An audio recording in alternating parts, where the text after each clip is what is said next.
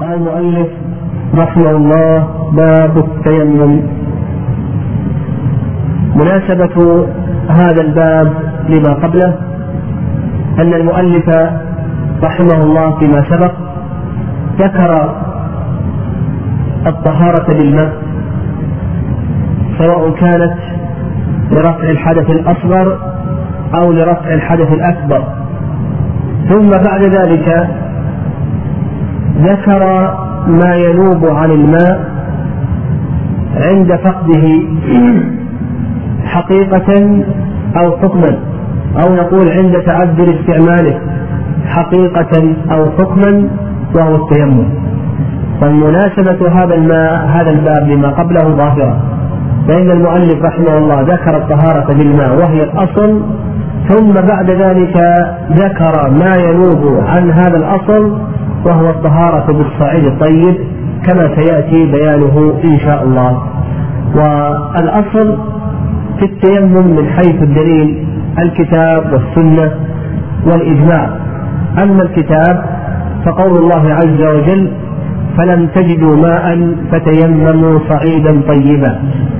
وأما السنة فأحاديث كثيرة كما سيأتينا في حديث عمار بن ياسر رضي الله تعالى عنه في الصحيحين وفيه قول النبي صلى الله عليه وسلم إنما يكفيك هكذا. وضرب النبي عليه الصلاة والسلام بيديه الأرض فمسح بهما وجهه وكفيه. وكذلك أيضا حديث جابر بن سمرة رضي الله تعالى عنه أن النبي صلى الله عليه وسلم قال أعطيت خمسا لم يعطهن أحد من الأنبياء قبلي.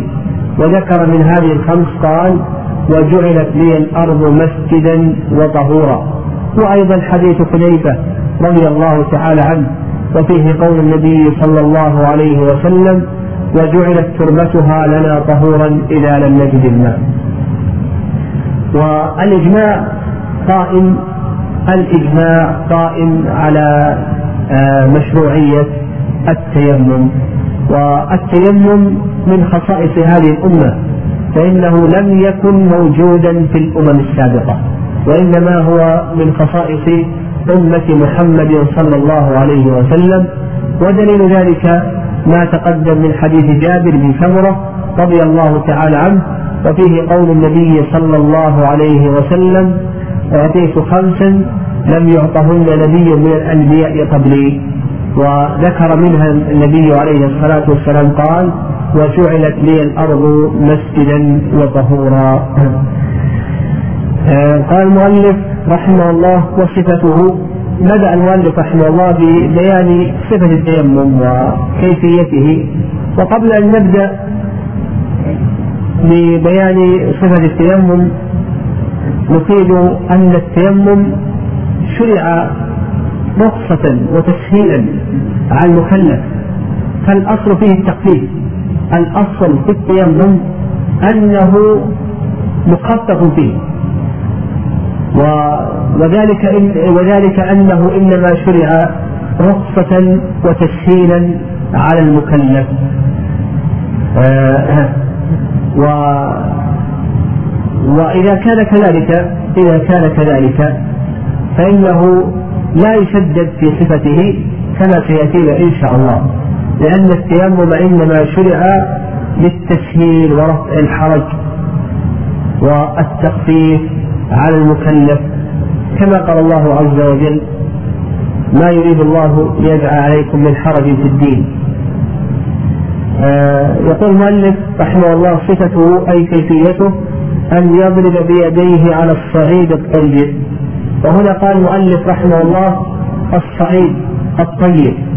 المراد بالصعيد هو كل ما تصاعد على وجه الأرض.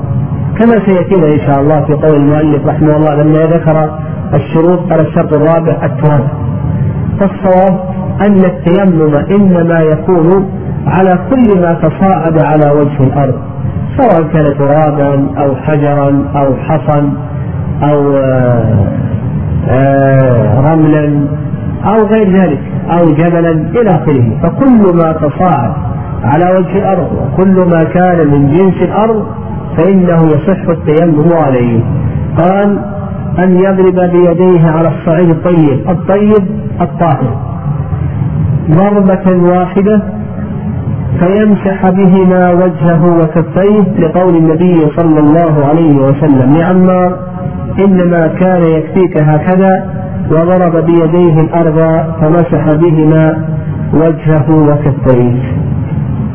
هنا قال المؤلف رحمه الله الصعيد الطيب كما سلف لنا أن التيمم ليس خاصا بالتراب كما سيأتي توضيحه إن شاء الله.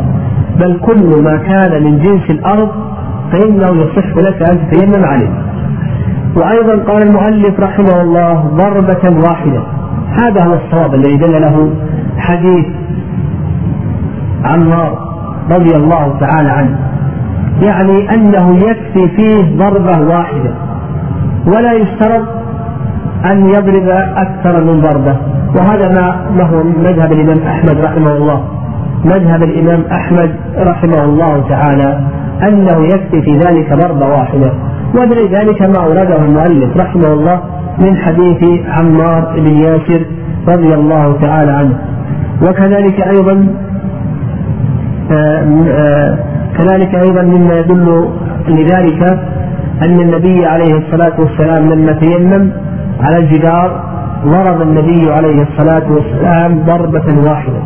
فنقول يكفي ضربة واحدة. والرأي الثاني الرأي الثاني أنه لا بد من ضربتين. وهذا عند أكثر أهل العلم أنه يشترط ضربتين ضربتان. واستدلوا على ذلك بحديث ابن عمر رضي الله تعالى عنهما مرفوعا. لكنه لا يثبت مرفوعا للنبي عليه الصلاة والسلام وإنما هو موقوف على ابن عمر رضي الله تعالى عنهما. وعلى هذا نقول الصحيح في هذه المسألة أنه يكفي ضربة واحدة.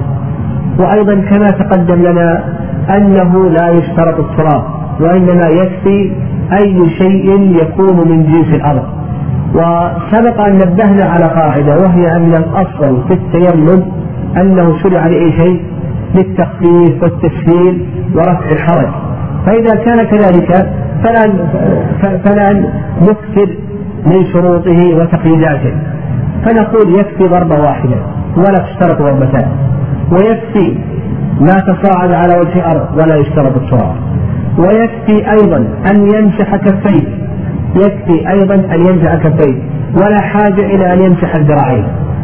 يكفي أن يمسح كفيه. كما هو قول المؤلف رحمه الله وهو المشهور من مذهب الإمام أحمد أنه يكفي في التيمم أن يمسح الكفين. ولا حاجة إلى أن يمسح إلى المرفقين كما هو قول الأئمة الثلاثة. ودليل ذلك حديث عمار بن ياسر رضي الله تعالى عنه وحديث كما اسلفنا حديث أبي جهل لما تيمم النبي صلى الله عليه وسلم على آه، على الجدار. النبي عليه الصلاة والسلام مسح يديه. وأما ما ورد في حديث ابن عمر التيمم ضربتان. ضربة للوجه وضربة لليدين والمرفقين فقلنا بأن هذا الحديث لا يصح رفعه إلى النبي صلى الله عليه وسلم وإنما هو موقوف على ابن عمر رضي الله تعالى عنهما. فلا نشترط التراب لا نشترط التعدد في الضربات لا نشترط أيضا أن أن يكون المسح المرفقين وإنما هو الكفين. أيضا هل يفرج بين أصابعه أو لا يفرج كما ذكر بعض العلماء رحمهم الله؟ نقول لا. لا حاجة إلى ذلك وإنما يضرب الصعيد ويمسح وجهه وكذلك أيضا يمسح كفيه. فهي عبادة شرعت للتقليد وتضرب الصعيد ضربة واحدة وتمسح الوجه وأيضا تمسح الكفين. وأشار أيضا ذكر بعض العلماء رحمه الله إلى أن الإنسان يضرب الصعيد ويمسح أيضا الوجه وأما بالنسبة للشعر فيقول بأنه لا يمسح يعني إذا كان الإنسان له لحية أو نحو ذلك قال بأنه لا يمسح الشعر. لأن لأن التيمم ليس فيه طهارة حسية وإنما فيه طهارة معنوية فقط. طهارته طهارة معنوية وإذا كان كذلك إذا كان كذلك لا حاجة للإنسان أنه يمسح الشعر. بل تضرب وتمسح ثم يديك على وجهك وتمر بها على كفيه وينتهي ينتهي الأمر. آه كذلك أيضا آه قلنا هل يفرج أصابعه أو لا يفرج؟ تقول هذا لم يرد في السنة. بل إذا ضرب ومسح كفى ذلك.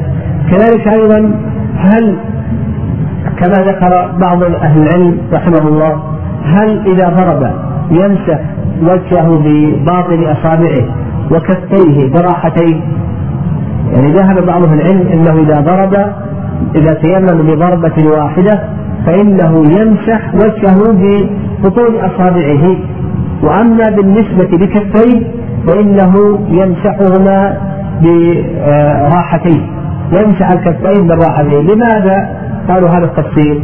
قالوا هذا التفصيل أنه لو ضرب آه، ضربة واحدة ثم مسح وجهه وكفيه يصبح التراب الذي ضرب به يصبح مستعملا.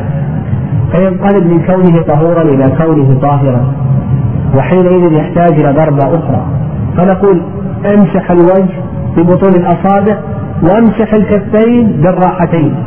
لأنك إذا مسحت الكفين بالراحتين ما أصبحت التراب الذي علق بالراحتين ما أصبح مستعملا. إلى آخره.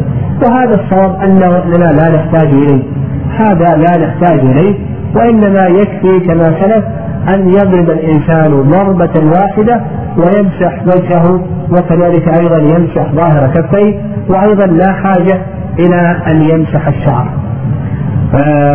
لأن في التيمم. وذكر بعض العلماء رحمهم الله أن الشعر في الطهارة ينقسم إلى ثلاثة أقسام. الشعر في الطهارة ينقسم إلى ثلاثة أقسام. القسم الأول يجب تطهير ظاهره وباطنه وهذا في الغسل. في الغسل إذا اغتسل الإنسان فإنه يجب عليه أن يطهر ظاهره وباطنه. القسم الثاني لا يجب أن يطهر لا ظاهره ولا باطنه وهذا في التيمم. فهذان طرفان الطرف الأول في الغسل يطهر ظاهره وباطنه. الطرف الثاني في التيمم لا يطهر لا ظاهره ولا باطنه. القسم الثالث في الوضوء. في الوضوء إن كان الشعر خفيفا فيجب أن يطهر ظاهره وباطنه وإن كان ثقيلا كثيرا فيجب عليه أن يطهر ظاهره وأما باطنه فإنه لا يجب عليه أن يطهره. فالوضوء فيه تفصيل. إن كان خفيفا فيجب أن يطهر ظاهره وباطنه. وإن كان كثيرا فإنه يجب عليه أن يطهر ظاهره وأما باطنه فلا يجب عليه أن يطهره. قال المؤلف رحمه الله وإن تيمم بأكثر من ضربة أو مسح أكثر جائز يعني إذا تيمم بضربتين يقول المؤلف رحمه الله جائز لأن هذا ورد عن ابن عمر رضي الله تعالى عنهما لكن الذي ورد عن النبي صلى الله عليه وسلم يكفي ضربة واحدة.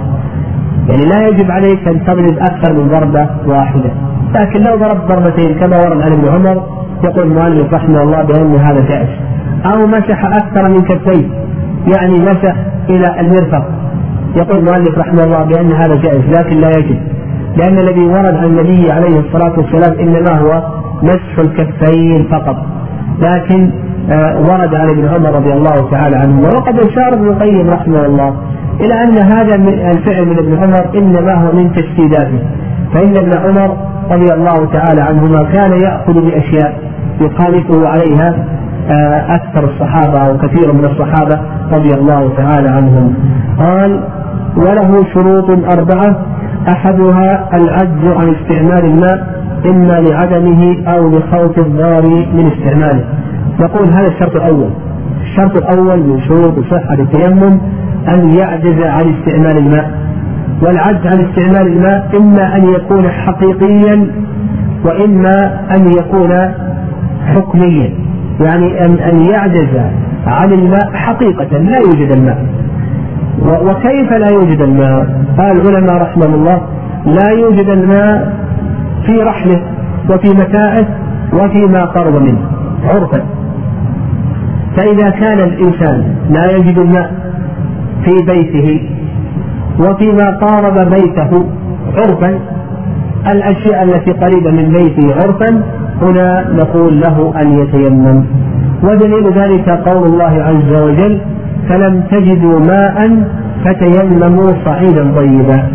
أما إذا كان يجد الماء إذا كان يجد الماء لكن الماء بعيد عرفا فهذا لا يجب عليه. هذا البعيد آه، له أن يتيمم له أن ينتقل عن الماء إلى بدنه. فأصبح معنى كونه لا يجد الماء. معنى كونه لا يجد الماء حقيقة. نقول لا يتوفر الماء في بيته ورحله ومتاعه وما قارب بيته عرفا وما قاربه عرفا فإذا كان الماء موجود قريب عرفا هذا يجب عليه أن يقصده. أما إذا كان بعيدا عرفا فإنه لا يجب عليه أن يقصده. وذكرنا دليل ذلك من قول الله عز وجل فلم تجدوا ماء فتيمموا صعيدا طيبا. قال آه العجز عن استعمال الماء إما لعدمه أو لخوف الضرر هذا حقيقة أن ألا يجد الماء لا في مكانه ولا فيما قرب منه عرفا حكما يتعذر عليه الماء حكما ذكر أمثلة له. أو لخوف الضرر من استعماله لمرض أو برد شديد. إذا كان الإنسان يخشى أنه إذا استعمله يصاب بالمرض مثل إنسان في بدنه قروح في بدنه قروح أو على أعضاء الوضوء قروح. وإذا أصابت هذه القروح هذا الماء فإنه يصاب بالمرض يصاب بالمرض. أو كان في شدة برد. شدة برد بحيث أنه لو استعمل هذا الماء مع شدة البرد لحقه مرض لحقه مرض. فيقول المؤلف رحمه الله له هنا أن يعدل التيمم. ودليل ذلك قول الله عز وجل ولا تلقوا بأيديكم إلى التهلكة. وأيضا قول الله عز وجل ولا تقتلوا أنفسكم إن الله كان بكم رحيما. وأيضا من القواعد المقررة في الشريعة الإسلامية قاعدة لا ضرر ولا ضرار وقاعدة أيضا المشقة تجلب التيسير المشقة تجلب التيسير. فإذا خشي الإنسان إذا خشي الإنسان المرض إذا تيمم فإنه إذا استعمل الماء فإنه يعود إلى التيمم. وكذلك أيضا مما يدل لذلك حديث عمرو بن العاص رضي الله تعالى عنه فإن عمرا رضي الله تعالى عنه احتلم في ليلة باردة فخشي إن اغتسل خشي على نفسه من الهلاك. يقول فتيممت وصليت بأصحابي وأخبر النبي النبي صلى الله عليه وسلم بذلك فلم يأمره بالإعادة. لم يأمره النبي عليه الصلاة والسلام بالإعادة. فنقول إذا خشي من استعمال الماء أن يلحقه مرض فإنه يعدل إلى التيمم وذكرنا ذلك من كتاب الله وسنة النبي صلى الله عليه وسلم. آه، كذلك أيضا آه، إذا كان هناك برد شديد لا يستطيع معه استعمال الماء أو يخشى على نفسه. يعني إذا كان هناك برد شديد بحيث أنه تلحقه مشقة ظاهرة. مشقة ظاهرة لا يستطيع معه استعمال الماء أو يخشى على نفسه من مرض ونحو ذلك فإنه في هذه الحالة يعدل إلى التيمم إذا لم يجد ما يسخن به هذا الماء. أو لخوف العطش هذه من صور عدم الماء حكما. إذا كان الإنسان معه ماء لكن يخشى على نفسه العطش إن استعمل هذا الماء فإنه لا بأس أن يوفر هذا الماء بشربه. بطعامه لا بأس بذلك. فإذا كان الماء عنه بعيد عرفا وليس معه إلا ماء يسير وهذا الماء اليسير يخشى على نفسه إن استعمله أن يصاب بعطش أو يحتاج لطعامه ونحو ذلك والماء بعيد عنه عرفا فنقول لا بأس حينئذ أن يعدل إلى التيمم. يخشى نفسه العطش على نفسه أو رفيقه أو بهيمته. يخشى على نفسه العطش أو المهم يخشى على نفسه أو على نفس محترمة. إذا كان يخشى على نفسه العطش أو على نفس محترمة سواء كانت هذه النفس المحترمة لبهيمة أو لآدمي فإنه يعدل إلى التيمم. قال أو خوف على نفسه أو ماله في طلبه. أيضا هذه من صور تعذر الماء حكما يعني يخشى على نفسه إذا طلب الماء من عدو لو خرج الماء حوله قريب عرفا لكن لو خرج من منزله يخاف على نفسه من عدو أو يخاف على نفسه من نصف أو يخاف على ماله أن يسرق أو يخاف على أهله إذا ذهب لكي يأتي بالماء فإنه في هذه الحالة يعدل إلى التيمم. نعم. ودليل ذلك كما تقدم أن الأصل في التيمم أنه إنما شرع للتخفيف والتسهيل ورفع الحرج. كما قال الله عز وجل ما يريد الله ليجعل عليكم من حرج ولكن يريد ليطهركم. آه قال أو آه، أو خوف على نفسه أو ماله في طلبه أو تعذر إلا بثمن كثير. أيضا هذا من صور عدم الماء حكما. الماء موجود. لكنه لا يشترى إلا بثمن كثير. فيقول المؤلف رحمه الله آه، يقول المؤلف رحمه الله فإنه يعدل إلى التيمم ولا يلزمه أن يشتريه. ويفهم من كلام المؤلف رحمه الله أنه إذا كان يستطيع آه، شراء الماء بثمن مثله بثمن مثله أو بأزيد من ثمن مثله زيادة يسيرة فإنه يجب عليه أن يشتريها فأصبحت الحالات ثلاث. الحالة ثلاث الحالة الأولى أن يجد الماء يباع بثمن مثله فيجب عليه أن يشتريه وأن يتطهر بالماء لأن ما لا يتم الواجب إلا به فهو واجب. الحالة الثانية أن أن يجده بأزيد من ثمنه زيادة يسيرة. فيقول المؤلف رحمه الله يجب عليه أن يشتريه وأن يتطهر به. الحالة الثالثة أن يجده يباع بأزيد من ثمنه زيادة كبيرة فهنا لا يجب عليه. إذا كان زيادة كبيرة عرفا فإنه لا يجب عليه أن يشتريه وله أن يعدل حينئذ إلى التيمم. يعني فأصبح عندنا ثلاث حالات. الحالة الثالثة هي التي يجوز له أن يعدل إلى أن يعدل إلى والأحسن في مثل ذلك أن يقيد بالمشقة الظاهرة. فإذا كان لأن الناس يختلفون في الغنى واليسر والفقر والحاجة إلى آخره. فإذا كان أزيد من ثمن مثله بزيادة كثيرة بحيث يلحقه في الشراء مشقة ظاهرة فنقول له أن يعدل إلى التيمم برفع الحرج عنه ورفع المشقة. أما إذا كان إذا زاد زيادة كثيرة ومثل هذا الرجل لو اشترى لا يلحقه مشقة فيظهر والله أعلم أنه يجب عليه أنه يجب عليه أن يشتري الماء وأن يطهر به. قال فإن أمكنه استعماله في بعض بدنه أو وجد ماء لا يكفي لطهارته استعمله وتيمم للباقي. هاتان مسألتان. يعني إذا تمكن من استعمال الماء في بعض بدنه. مثلا إنسان عليه جرح في يده اليسرى عليه جرح في يده اليسرى فهذا كما سلف لنا يجب عليه أن يغسل الصحيح. يعني يجب عليه يتمضمض ويستنشق ويغسل وجهه ويغسل يده اليمنى وكفه اليسرى. وبقية يده اليسرى التي ليس فيها جرح إلى آخره. أما الجرح فهذا له أحوال كما تقدم لنا. إن استطاع أن يغسله ها فإنه يجب عليه أن يغسله ولا حاجة إلى التيمم. وقال الجرح إن استطعت أن تغسله فإنه يجب عليك حينئذ أن تغسله ولا حاجة إلى التيمم. لم يستطع أن يغسله فإنه يعدل إلى أي شيء؟ إلى المسح يمسحه بالماء. فإن تمكن أن يمسحه بالماء فيمسحه بالماء ولا شيء عليه. الحالة الثالثة إذا كان عن جبيرة أو فرقة أو شاش أو جبس أو نحو ذلك فإنه يمسحه ولا شيء عليه.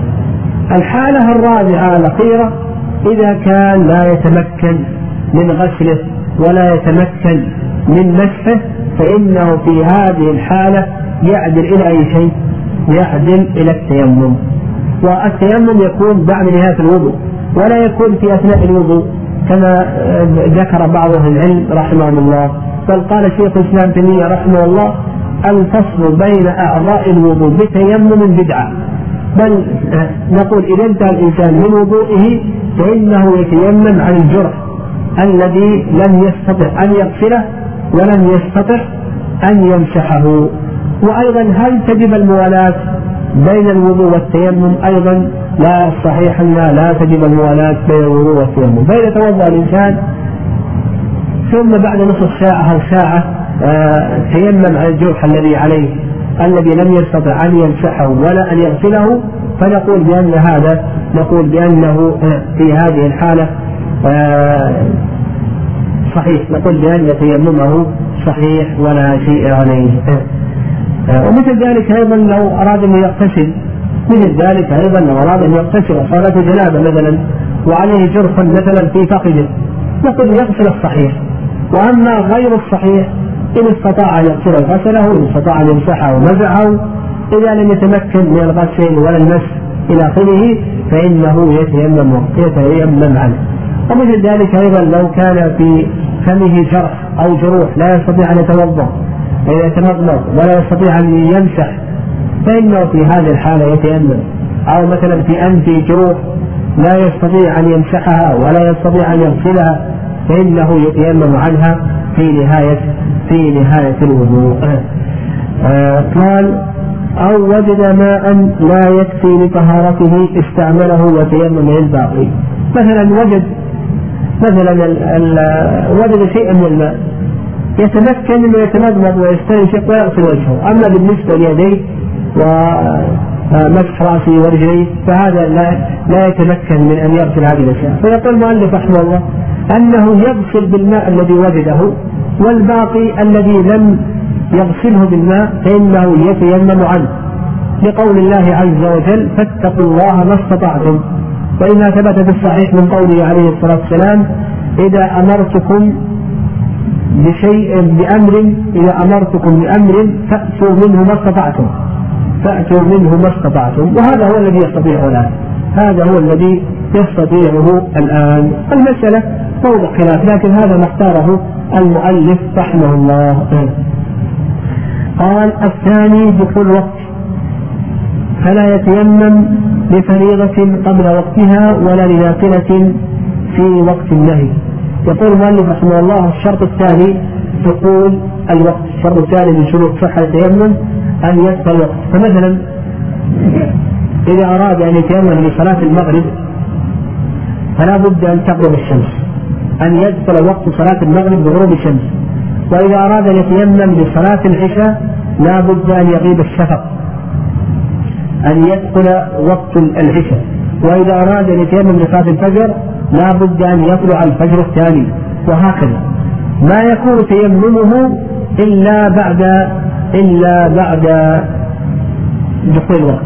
وهذه المسألة والمسألة الثانية الشرط الثالث الذي أيضا ذكره المؤلف رحمه الله هذان الشرطان مبنيان على مسألة أخرى. وهذه المسألة هي هل التيمم مبيح أو رافع التيمم هذا هل هو رافع للحدث؟ كالوضوء بالماء. أو أنه ليس رافعا للحدث وإنما هو مبيح يعني أن الحدث لم يرتفع. وإنما التيمم أباح لك أن تتلبس بهذه العبادة. هذان الشرطان كما أسلفت مبنيان على هذه المسألة. هل التيمم مبيح أو رافع؟ لأهل العلم في هذه المسألة رأيان.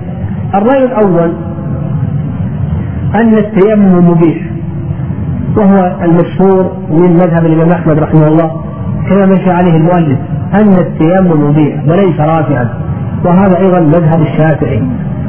واستدلوا على ذلك يعني استدلوا على ذلك ب آه، آه، استدلوا على ذلك بحديث عمران بن حصين رضي الله تعالى عنه في البخاري في قصة الرجل الذي رآه النبي صلى الله عليه وسلم معتزلا. رآه النبي عليه الصلاة والسلام معتزلا. لم يصلي مع الناس. فسأله النبي عليه الصلاة والسلام عن ذلك فقال يا رسول الله أصابتني جنابة ولا ماء. فقال النبي عليه الصلاة والسلام عليك بالصعيد فإنه يكفيك. عليك بالصعيد فإنه يكفيك. فلما جاء الماء أخذ النبي عليه الصلاة والسلام ماء فقال دلوا من ماء فقال خذ هذا فأفرغه عليك. قالوا لو كان التيمم رافع لما قال النبي صلى الله عليه وسلم خذ هذا فأفرغه عليك. يعني حديث عمران الشاهد فيه أن النبي صلى الله عليه وسلم قال لهذا الرجل الذي أصابته جنابة وتيمم قال النبي عليه الصلاة والسلام له خذ هذا فأفرغه عليك. لما جاء الماء. وأيضا حديث أبي هريرة وأبي ذر غيرهما أن النبي صلى الله عليه وسلم قال الصعيد الطيب وضوء المسلم وإن لم يجد الماء عشر سنين فإذا وجد الماء فليتق الله وليمسه بشرته الصعيد الطيب وضوء المسلم وإن لم يجد الماء عشر سنين فإذا وجد الماء فليتق الله وليمسه بشرته. فقال النبي صلى الله عليه وسلم فليتق الله وليمسه بشرته قالوا قول النبي صلى الله عليه وسلم فليتق الله وليمسه بشرته هذا دليل على أنه ماذا؟ أنه ليس أنه ليس راكعا وإنما هو مبيح. قال ليمسه بشرته لو كان راكع ما قال ليمسه بشرته وأيضا حديث عمرو بن العاص رضي الله تعالى عنه فإن النبي صلى الله عليه وسلم قال له كما تقدم الحديث؟ حديث عمرو بن العاص أنه قال استلمت ليلة باردة فخشيت إذا اغتسلت أن أهلك فتيممت وصليت بأصحابي. فلما قدم المدينة أخبر النبي صلى الله عليه وسلم بذلك فقال النبي عليه الصلاة والسلام صليت بأصحابك وأنت جنوب صليت بأصحابك وأنت جنوب. فقال النبي عليه السلام وأنت جنوب. فسماه جنبا مع أنه تيمم هذا يدل على أن الحدث لم يرتفع وأنه حتى الآن جنب. الرأي الثاني رأي أبي حنيفة رحمه الله وأن التيمم رافع ك كالوضوء تماما. كالوضوء بالماء بالماء أنه يرفع الحدث. لكن الفرق بين التيمم وبين الماء أن التيمم يرفع الحدث رفعا مؤقتا إلى وجود الماء. فإذا وجد الماء يبطل التيمم كما سيأتينا أما بالنسبة للماء فإنه يرفع الحدث رفعا مطلقا. إلى أن يوجد الحدث. يعني يرفع الحدث إلى أن يوجد حدث آخر. أما بالنسبة للتيمم فإنه لا يرفع رفعا مطلقا وإنما رفعه رفع مؤقت إلى وجود الماء أو إلى القدرة على استعمال الماء إذا كان التيمم لمرض أو لخوف. ونحو ذلك. وهذا مذهب ابن حنيفة رحمه الله واختيار شيخ الإسلام تيمية رحمه الله. واستدلوا على ذلك بأدلة من هذه الأدلة قول الله عز وجل ما يريد الله أن يجعل عليكم من حرج ولكن يريد ليطهركم. الشاهد هنا قال ولكن يريد ليطهركم. فدل على أنه مطهر. وأيضا حديث جابر بن سمرة وفيه قول النبي صلى الله عليه وسلم وجعلت لي الأرض مسجدا وطهورا. فدل على أنه مطهر أنه مطهر. وأيضا أن التيمم بدل بدل عن الماء والبدل له حكم مبدل. فإذا كان الماء رافع إذا كان الماء رافع الحدث فكذلك أيضا التيمم نقول بأنه رافع للحدث. التيمم أيضا نقول وهذا القول هو الصواب هذا القول هو الصواب أن التيمم رافع لكن الفرق بين الماء بين التيمم أن الماء يرفع الحدث رفعا مطلقا وأما التيمم فإنه يرفع الحدث إلى وجود الماء أو القدرة على استعماله أو بطلان التيمم بحدث. وأما بالنسبة لما استدل به أهل القول الأول الشافعية والحنابلة يعني من قول النبي عليه الصلاة والسلام لعمران سعيد عمران قوله للرجل خذ هذا فافرغه عليك. وأيضا قوله فليتق الله وليمسه بشرته. هذا نقول هذه الأدلة دليل على أن التيمم ليس يرفع رفع مطلق وإنما يرفع إلى أي شيء؟ إلى وجود الماء. هذا هو الفرق بين الماء وبين التيمم بين طهارة الماء وبين طهارة التيمم. وأما قول النبي صلى الله عليه وسلم لعمران صليت لأصحابك وأنت جنب هذا باعتبار باعتبار أو يعني هذا قبل أن يذكر له عمرو رضي الله تعالى عنه عذره وأنه خشي على نفسه الهلاك. وعلى هذا نقول بأن التيمم حكمه حكم الماء فإذا كنا لا نشترط للطهارة بالماء دخول وقت فكذلك أيضا لا نشترط للتيمم بالصعيد دخول وقت فأنت الآن إذا أردت تصلي العشاء حتى الآن ما دخل وقت العشاء؟ لك أن تتوضأ الآن. فكذلك أيضا التيمم إذا قلت لا تجد الماء ولا تقدر على استعماله لك أيضا أن تتيمم الآن ولا يشترط دخول وقت كما أننا لا نشترطه بالنسبة للماء. كذلك أيضا بالنسبة للنافلة وقت النهي. كما أن الإنسان له أن يتوضأ في أوقات النهي بعد العصر بعد الفجر وقت الغروب وقت الشروق وقت الزوال. له أن يتوضأ أيضا له أن يتيمم. هذا هو الصواب قال الثالث النية. فإن تيمم لنافلة لم يصلي بها فرضا وإن تيمم لفريضة فله فعلها وفعل ما شاء من الفرائض والنوافل حتى يخرج وقتها. النية شرط. النية شرط لصحة التيمم. لأن التيمم عبادة وكل عبادة لا بد لها من نية.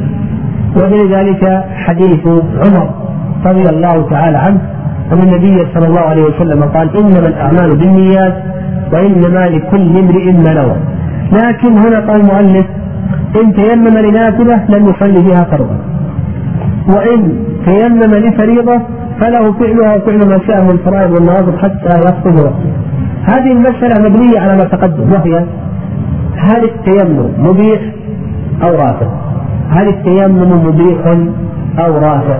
هذه المسألة مبنية على ما سبق فهم يقولون بأن التيمم مبيح وعلى هذا إذا تيممت لعبادة فإنك تستبيح العبادة ومثلها ودونها. و و ولا تستبيح ما هو أعلى من العبادة. لا ما هو أعلى منها أعلى من هذه العبادة. فمثلا أنت الآن تيممت لكي تصلي سنة المغرب. نويت مثل هذا التيمم تصلي سنة المغرب.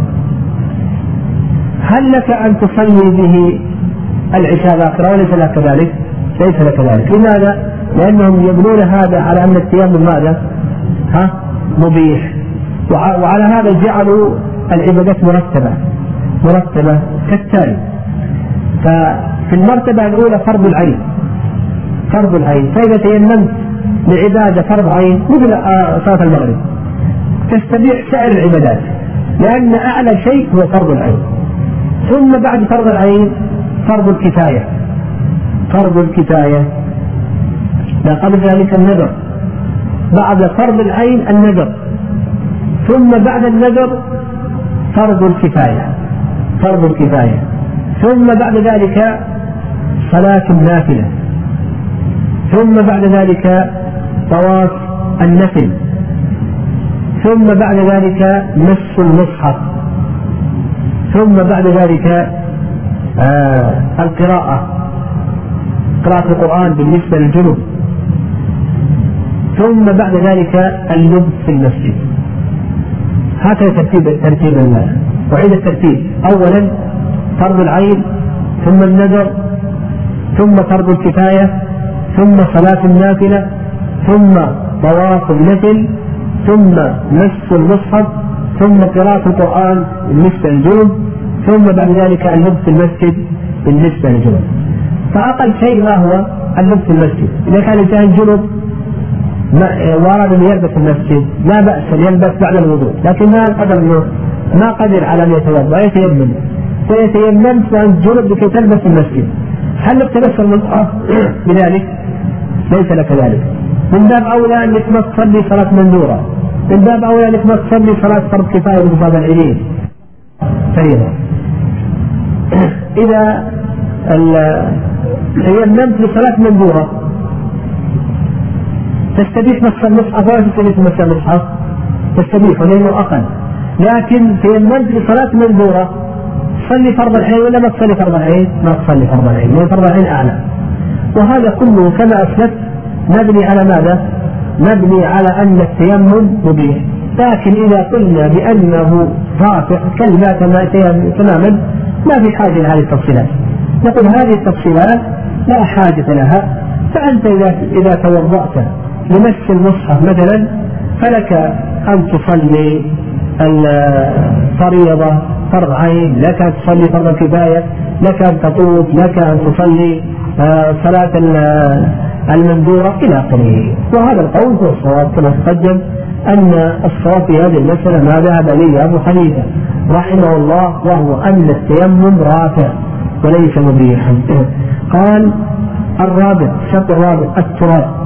فلا يتيمم إلا بتراب طاهر له غبار يقول المؤلف رحمه الله لا بد من تراب. ما التيمم إلا على تراب. وهذا مذهب الإمام أحمد رحمه الله والشافعي واستدلوا على ذلك؟ بحديث حذيفه وجعلت تربتها لنا طهورا. تربتها فقال النبي صلى الله عليه وسلم تربتها لنا طهورا. الرأي الثاني رأي مالك وأبي حنيفة أنه لا يشترط التراب. كل ما تصاعد على وجه الأرض التراب والجبال والصخور والرمال وغير ذلك كل ما كان على وجه الأرض فإنه يصح لك التيمم عليه.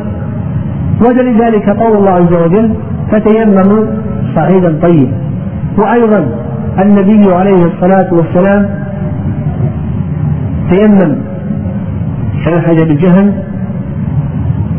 تيمم النبي صلى الله عليه وسلم على ماذا؟ على الجدار. على الجدار. فالصواب أننا نقول لا حاجة لا حاجة إلى التراب. وهنا اشترط أيضا قال بتراب طاهر. طاهر دليله قول الله عز وجل فتيمموا صعيدا طيبا. الطيب هو الطاهر. وعلى هذا إذا كان هذا الذي يتيمم عليه نجسا فإنه ما يصح التيمم له غبار. يقول المؤلف رحمه الله له غبار. واستدلوا على ذلك بقول الله عز وجل فامسحوا بوجوهكم وأيديكم منه. فامسحوا بوجوهكم وأيديكم منه. آه وقالوا بأن من هذه تبعيضية. من هذه تبعيضية. يعني والصواب في ذلك الصواب في ذلك أنه لا حاجة. لا حاجة إلى الغبار. لعموم قول الله عز وجل فتيمموا صعيدا طيبا. وهذا يشمل كل صعيد. كل صعيد. حتى الصخر. والصخر ما له غبار. الصخر ليس له غبار.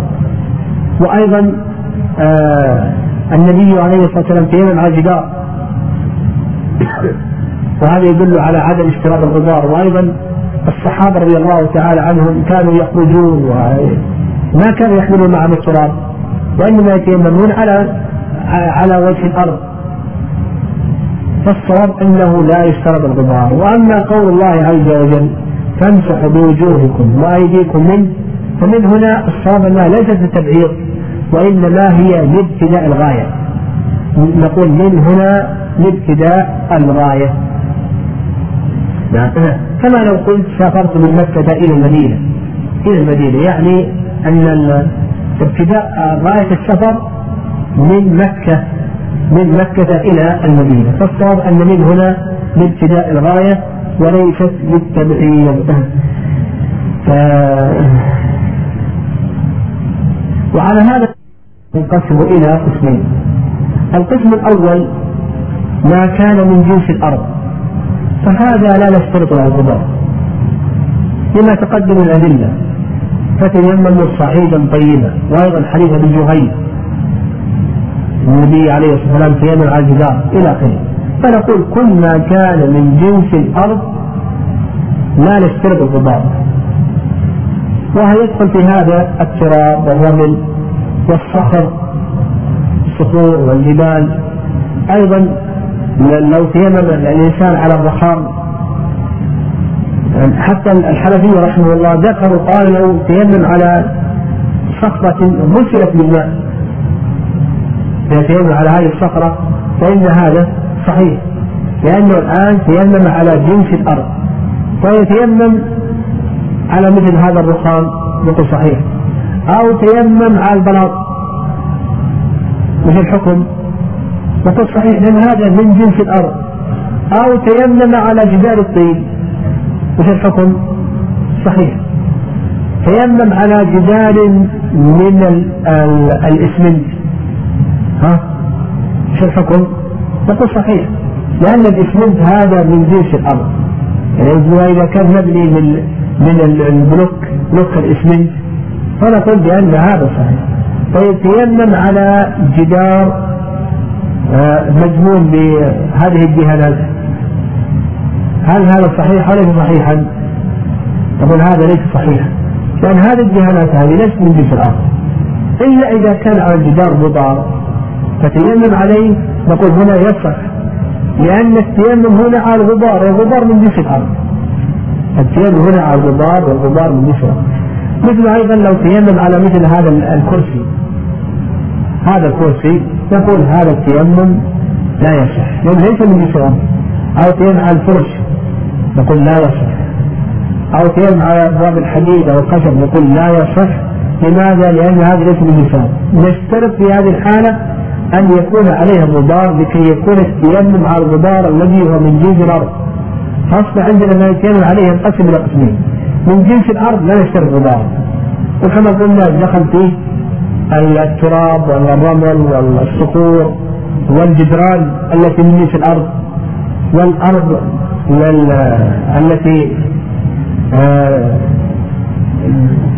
أرضيتها أو آه، مادتها من جنس الأرض مثل البلاط مثل الرخام مثل الإسمنت مثل الطين هذه كلها من جنس الأرض. هذه يصح تيمم عليها القسم الثاني ما ليس من جنس الأرض. ما ليس من جنس الأرض مثل الخشب مثل الفرش مثل آه الأبواب أو الحديد ونحو ذلك. ما ليس من جنس الأرض تقول هنا إذا تيممت عليه لا بد أن يكون عليه ماذا؟ أن يكون عليه غبار لكي يكون التيمم على الغبار الذي هو من جنس الأرض. قال ويبطل التيمم. قال ويبطل التيمم ما يبطل طهارة الماء وخروج الوقت والقدرة على استعمال الماء وإن كان في الصلاة. يبطل التيمم ما يبطل الماء. لأن التيمم بدل والبدل له حكم مبدل. الماء يبطل بخروج الخارج من الإنسان من بول أو غائط أو ريح ونحو ذلك كما سبق. فكذلك أيضا التيمم يبطل بهذه الأشياء. اكل لحم الجذور التيمم يبطل طهارة الماء. فكذلك أيضا يبطل ماذا؟ ها؟ يبطل أيضا التيمم. كما أنه يبطل طهارة الماء أيضا نقول بأنه يبطل التيمم وهكذا. ودليل ذلك كما تقدم لنا القاعدة أن البدل له حكم مبدل. أيضا خروج الوقت وهذا مبني على ماذا؟ على أنه مبيح. مبني على أنه مبيح. والصواب أن خروج الوقت لا يبطل التيمم. فمثلا تيممت الآن لصلاة المغرب. خرج وقت صلاة المغرب. تيممت لصلاة المغرب ثم خرج وقت صلاة المغرب فنقول بأن التيمم بأن التيمم لا يبطل في خروج الوقت لأن الأصل بقاء الطهارة. وهذه المسألة من المسائل المرتبة على هل التيمم مبيح أو رافع؟ فقلنا بأن الصواب أن التيمم ماذا؟ ها؟ أنه رافع. هذا الصواب قال والقدرة على استعمال الماء.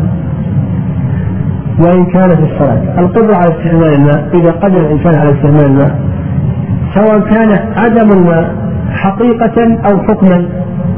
حقيقة عدم الماء حقيقة ما وجد ماء. ثم قدر عليه. نقول يجب عليه أن يستعمله ويبطل تيممه وإن لم يحدث. لما تقدم حيث الرواية بالحصين في الصحيح أن النبي صلى الله عليه وسلم قال خذ هذا فأفرغه عليك. لما جاء الماء.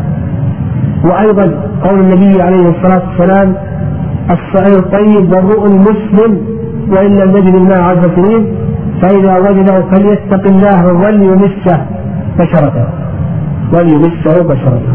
قال المؤلف رحمه الله وإن كانت الصلاة يعني إذا شرع الإنسان يصلي ما وجد ماء. لم يجد هذا الإنسان ماء ثم شرع يصلي. وفي أثناء الصلاة جاء الماء. هل تبطل طهارته وتبطل صلاته؟ أو نقول بأن صلاته لا تبطل. العلماء في ذلك رأيان. العلماء رحمهم الله لهم في ذلك رأيان. الرأي الأول الرأي الأول أن طهارته تبطل وهذا مذهب الإمام أحمد رحمه الله مذهب الإمام أحمد. الطهارة تبطل ودليل ذلك قول الله عز وجل آه نعم دليل ذلك آه قول الله عز وجل فلم تجدوا ماء فتيمموا صعيدا طيبا وهذا الآن وجد الماء. وأيضا مما يدل لذلك يعني حديث عمران بن حصين فإن النبي عليه الصلاة والسلام قال خذ هذا فاضربه عليك فدل على أن الطهارة دل على أن طهارة التيمم قد بطلت. قلنا بأن الرأي بأن الرأي الأول أن التيمم يبطل فتبطل الصلاة لما تقدم من حيث عمران وأيضا تقدم من حيث أبي وأبي هريرة. وفيه قول النبي صلى الله عليه وسلم فإذا وجده فليتق الله وليمسه بشرا. والرأي الثاني أنه لا تبطل أن طهارته لا تبطل أنه لا يخرج من الصلاة أنه لا يخرج من الصلاة ويمضي في صلاته بقول الله عز وجل ولا تبطلوا أعمالكم.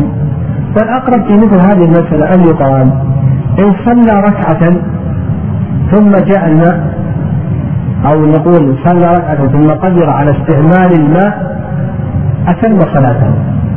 وإن صلى أقل من ركعة فإنه يخرج من الصلاة. ويدل لذلك حديث أبي هريرة في الصحيحين أن النبي صلى الله عليه وسلم قال من أدرك ركعة من الصلاة فقد أدرك الصلاة. فهذا الرجل قد أدرك ركعة من الصلاة ويكون مدركا يكون مدركا بالصلاة. يعني هذا هو الأقرب في هذه المسألة التفصيل. قال رحمه الله بقينا قبل أن ننتقل عن باب التيمم بقى علينا المسألة هل يتيمم بخوف فوت العبادة أو لا يتيمم بخوف فوت العبادة؟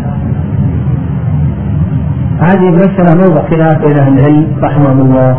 فجمهور أهل العلم أنه لا تيمم لخوف فوت العبادة.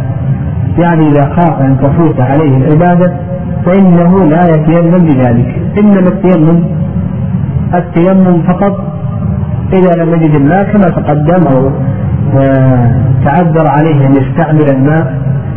إذا إذا يعني إذا تعذر عليه الماء إما حقيقة أو حكما. أما ما عدا ذلك فإنه لا يتيمم له. وهذا رأي جمهور أهل العلم رحمهم الله. وإن كانوا لا يطلبون هذا يعني إن كانوا يستثنون بعض العبادات. والرأي الثاني الرأي الثاني واختيار شيخ الإسلام تيمية رحمه الله أنه يتيمم بخوف فوت العبادة.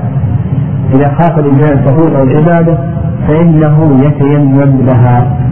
مثلا لو أن الإنسان في صلاة الجمعة مثلا وسبقه الحدث ولو ذهب يتوضأ خرج من الجامع فإن الصلاة تفوت عليه. فهذا شيخ الإسلام رحمه الله أنه يتيمم ويصلي. أو مثلا في صلاة العيدين. لو أنه سبقه الحدث مثلا وذهب لكي يتوضأ ثم يرجع إلى آخره قد فات صلاة العيدين. أو مثلا جاءت جنازة وشرع الناس في الصلاة فيها ولو ذهب لكي يتوضأ إلى آخره فاتته صلاة الجنازة إلى آخره. فعند شيخ الإسلام ابن رحمه الله بأنه في هذه الحالة إذا كانت العبادة يخشى على أن تفوت أنه يتيمم لها يعني يتيمم لها آه، ويستدل لذلك يستدل لذلك بأن ابن عمر رضي الله تعالى عنهما تيمم للصلاة على الجنازة. وأيضا فعل النبي عليه الصلاة والسلام في حديث الجهيد فإن النبي عليه الصلاة والسلام لما سلم عليه لم يرد السلام حتى أقبع الجدار ثم تيمم على الجدار ثم رد السلام. رد النبي عليه الصلاة والسلام السلام. وتيمم لكي لكي يذكر الله عز وجل على طهر. ومن هدي النبي عليه الصلاة والسلام أنه قال إني كرهت أن نذكر الله إلا على طهر. ومثل ذلك أيضا لو خشي فوت الوقت خشي فوت وقت الصلاة. إذا كان غير معذور أما إذا كان معذور فوقت الصلاة حين زوال العذر. يعني إذا كان نائم أو ناسي وقت الصلاة حين زوال العذر. لكن الإنسان غير معذور غير معذور. فخشي أن يفوت الوقت. يعني إنسان لم يجد الماء إلا في آخر الوقت. وخشي إن شرع يتوضأ أن يفوت عليه الوقت. فعند شيخ الإسلام أنه يتيمم يتيمم ويصلي أو خشي مثلا أن أن الماء يعني ما يصل إليه إلا بعد خروج الوقت. فإنه يتيمم ويصلي قال رحمه الله باب الحيض ويمنع عشرة أشياء فعل الصلاة ووجوبها وفعل الصيام إلى آخره. الحيض في اللغة السيلان الحيض في اللغة السيلان ويقال حاض الوادي إذا سال. ويقال أيضا حارة الشجرة إذا خرج منها سائل آه، أحمر. وأما في الاصطلاح فهو دم طبيعة وجبلة يخرج من الأنثى في أوقات معلومة. دم طبيعة وجبلة يخرج من الأنثى في أوقات معلومة. والحيض كتبه الله عز وجل على بنات آدم منذ أصل الخلقة. وليس مبتدعا كما ذكر بعض أهل العلم أن الله عز وجل فرضه أو كتبه على نساء بني إسرائيل. لا بل الحيض كتب على بني آدم آه، منذ أن خلقهن الله عز وجل. كقول النبي عليه الصلاة والسلام لعائشة قول عائشه عائشة رضي الله تعالى عنها إن هذا شيء كتبه الله على بنات آدم. قال ويمنع عشرة أشياء فعل الصلاة. يمنع فعل الصلاة. فإذا حضرت المرأة فإنه لا يجوز لها أن تصلي. نعم لا يجوز لها أن تصلي. ودليل ذلك قول النبي صلى الله عليه وسلم آه، آه، للمستحاضة إذا أقبلت الحيضة فدع الصلاة. وهذا في الصحيحين. قول النبي عليه الصلاة والسلام للمستحاضة إذا أقبلت الحيضة فدع الصلاة. وأيضا حديث عائشة رضي الله تعالى عنها قالت كنا نحيض على عهد رسول الله صلى الله عليه وسلم فنؤمر بقضاء الصوم ولا نؤمر بقضاء الصلاة وهذا في الصحيحين. ففعل الصلاة ما يجوز ولا يصح من المرأة حالا. أيضا وجوبها ما ما تجب عليها. لا تجب عليها الصلاة. ولذلك ما تقدم من حديث عائشة قالت كنا نؤمر كنا نحيض في عهد النبي صلى الله عليه وسلم فنؤمر بقضاء الصوم ولا نؤمر بقضاء الصلاة. ولو كانت الصلاة واجبة لأمر لأمر الحيض بقضائها. لكن نستثني من ذلك حالتين. نستثني من ذلك حالتين. الحالة الأولى إذا أدركت من أول الوقت مقدار ركعة فإنه يجب عليها أن تقضيها إذا طهرت مثال ذلك مثال مثال ذلك أذان العشاء. الآن أذن العشاء. العشاء يؤذن السابعة إلى خمس دقائق امرأة أذن عليها العشاء. ثم بعد ذلك مضى قدر ركعة؟ الركعة مثلا نقدرها بدقيقتين. مضى عليها قدر دقيقتين. ثم حاضت. لم تصلي. حاضت قبل أن تصلي. فإنه يجب عليها إذا طهرت من حيضتها أن تقضي هذه الصلاة صلاة العشاء. ودليل ذلك حديث أبي هريرة رضي الله تعالى عنه النبي صلى الله عليه وسلم قال من أدرك ركعة من الصلاة فقد أدرك الصلاة. فيجب عليه هذه صلاة العشاء أدركت من وقتها قبل ركعة. فيجب عليها يجب عليها أن تقضيها. وعند شيخ الإسلام تيمية رحمه الله لا يجب أن تقضي. شيخ الإسلام يقول لا يجب أن تقضي لأن نساء الصحابة كلها يحمل في وسط الوقت. ومع ذلك لم يرد أن النبي صلى الله عليه وسلم أنه كان يأمرهن بالقضاء. لكن الأقرب في ذهن هذه المسألة والأحوط أن تقضي. بهذا الحديث ما دام أنها أدركت ركعة فإنه يجب عليها أن تقضيها. الحالة الثانية إذا أدركت ركعة من آخر الوقت. أدركت ركعة من آخر الوقت. يعني عندنا امرأة حائض. عندنا امرأة حائض. قبل خروج الوقت بمقدار ركعة أكثر طهرت من حيضتها. فنقول يجب عليها إذا اغتسلت أن تقضي هذه الصلاة. فمثلا المغرب يخرج وقتها مثلا كما في الأذان الساعة السابعة وخمس دقائق مثلا. امرأة حائض قبل خروج وقت المغرب بمقدار ركعة فأكثر. يعني الساعة سبع إلا سبع دقائق إلا كمان إلا إلى آخره. طهرت من حيضتها. طهرت من حيضتها. فنقول يجب عليها أن تصلي هذه الصلاة لأنها أدركت من وقتها قد ركعة. فما دام أنها أدركت من وقتها قد ركعة فيجب عليها أن تصليها لقول النبي عليه الصلاة والسلام من أدرك ركعة من الصلاة فقد أدرك الصلاة. قال وفعل الصيام. أيضا لا يجوز لها أن تصوم لكن يجب عليها أن تقضيه يجب عليها أن تقضي الصيام. فالصيام هذا محرم على الحائض ولذلك قول النبي عليه الصلاة والسلام كما حديث عائشة في صحيح البخاري أليس إذا حاضت لم تصلي ولم تصم؟ أليس إذا حاضت لم تصلي ولم تصم؟ والمرأة إذا آه، طهرت بعد طلوع الفجر ما يصح صيامها ذلك اليوم يعني لو طهرت بعد طلوع الفجر ما انقطع عنها الدم إلا بعد طلوع الفجر بلحظة واحدة. تقول ما يصح صيام ذلك اليوم. ولو أنه انقطع عنها الدم قبل طلوع الفجر ولم تغتسل إلا بعد طلوع الفجر فصيامها صحيح. ولو أنها حاضت خرج منها دم الحيض قبل غروب الشمس ولو بلحظة واحدة فصيامها باطل. نقول يصح فلا بد ألا ترى دم الحيض من طلوع الفجر إلى غروب الشمس. ولو أحست بانتقاله ولم يخرج إلا بعد غروب الشمس فصيامها صحيح. ويجب عليها القضاء.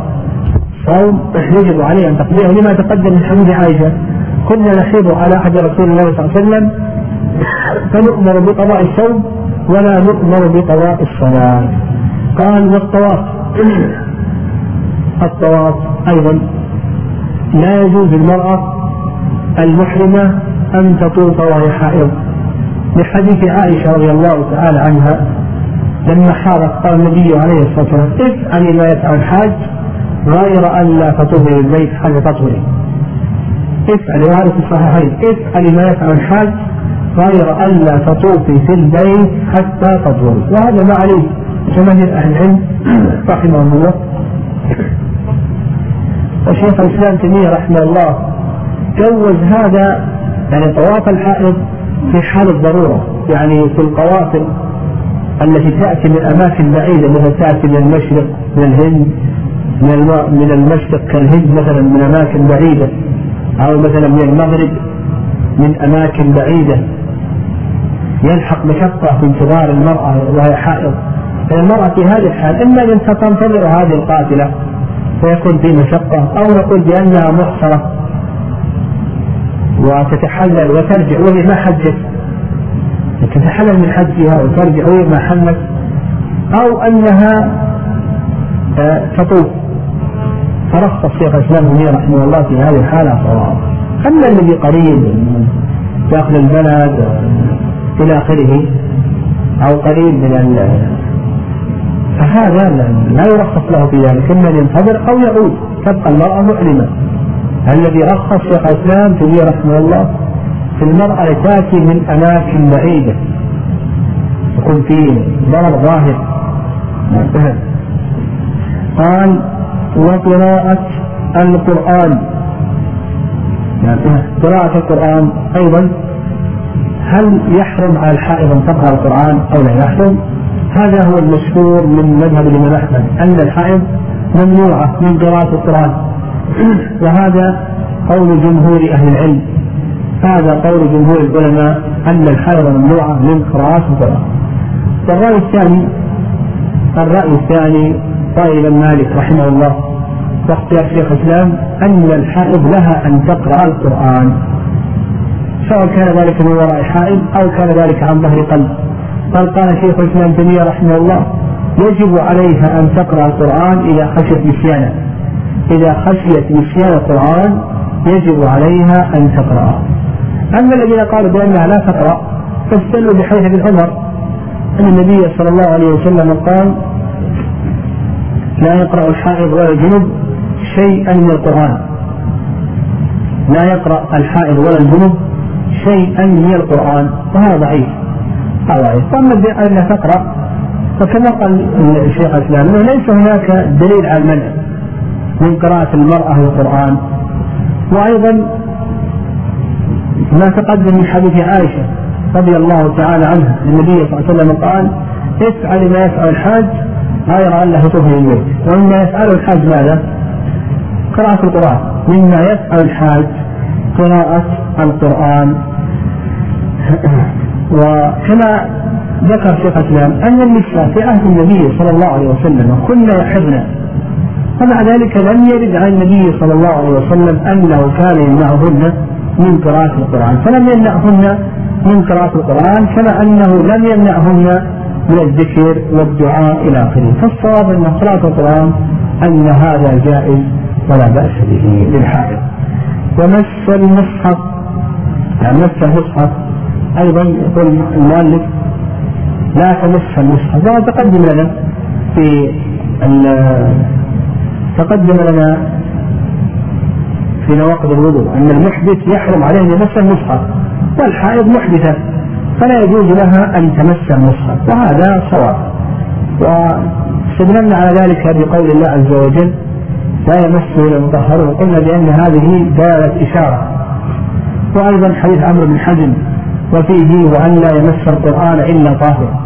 وأيضا وروده عن سعد بن أبي وقاص رضي الله تعالى عنه. فنقول المحدث لا يمس المصحف